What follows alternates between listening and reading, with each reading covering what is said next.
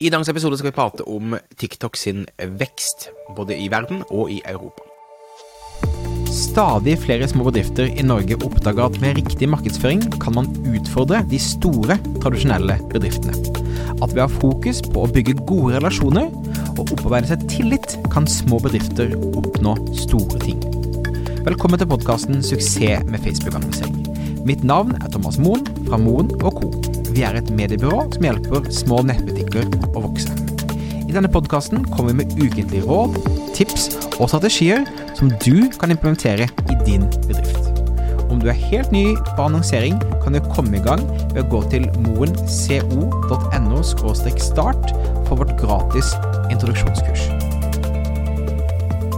Vi i Monoco har gjort annonsering på TikTok nå siden egentlig det ble lansert.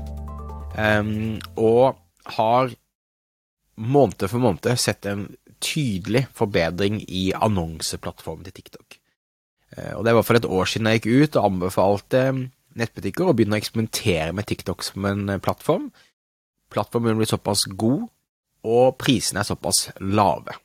Eh, man har ofte en høyere krav til innhold som blir produsert på TikTok, så det er vanskelig å lage gode annonser kontra hva man gjør på Snapchat og andre ting. Men generelt så um, er TikTok en bra kanal um, å, å, komme ut ifra. Og um, jeg leste i dag en artikkel hos Financial Times som sier at uh, TikTok sin omsetning i Europa seksdoblet seg i 2021. Jeg kan tenke meg at den kommer til å ha i hvert fall samme vekstpotensialet nå i, eh, altså, i 2022, at man ser det.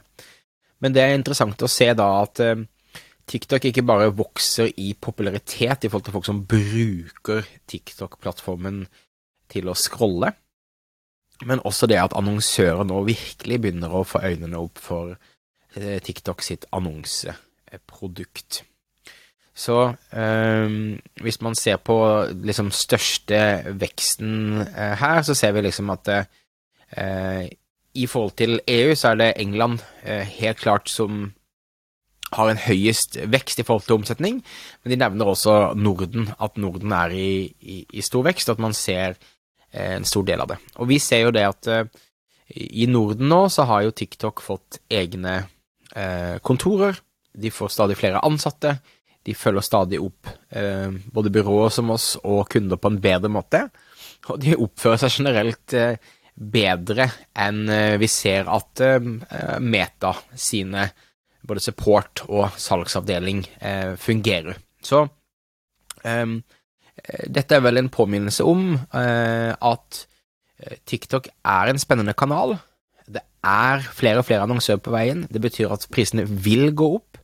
Så jo mer du kan teste nå når prisene er lønnsomme eh, og så rimelig som mulig, jo bedre er det. Det vil aldri være billigere å annonsere på TikTok som i akkurat i dag. Så eh, følg med. Dette er en spennende, eh, spennende annonsekanal. Den er undervurdert av de aller fleste. Og eh, vi har sett kunder som har klart å dra høyere omsetning enn fra f.eks. Facebook i perioder, når de klarer å lage annonser som virkelig treffer eh, målgruppen. Og jeg kan også si det, eh, de som ikke på en måte er klar for å Det handler ikke om å stå og danse og på en måte være TikTok-stjerne, men um, um, katalogintegrasjonen, der de bare henter produktbilder og henter produktbeskrivelser, også fungerer ganske bra på TikTok nå, så det, er liksom, det trenger ikke um, og ut og, og, og, danse og herje, men de som virkelig forstår TikTok um, i forhold til hvordan innhold man kan ha der, de får absolutt mest suksess. Ok, det var det jeg hadde til deg denne uka her. Takk for at du så på. Husk å abonnere for å få med deg fremtidige episoder. Det kommer til en ny episode hver eneste onsdag. Mitt navn er Thomas Moen, og vi høres igjen neste uke for en ny episode av Suksess med annonsering. Ha det fint.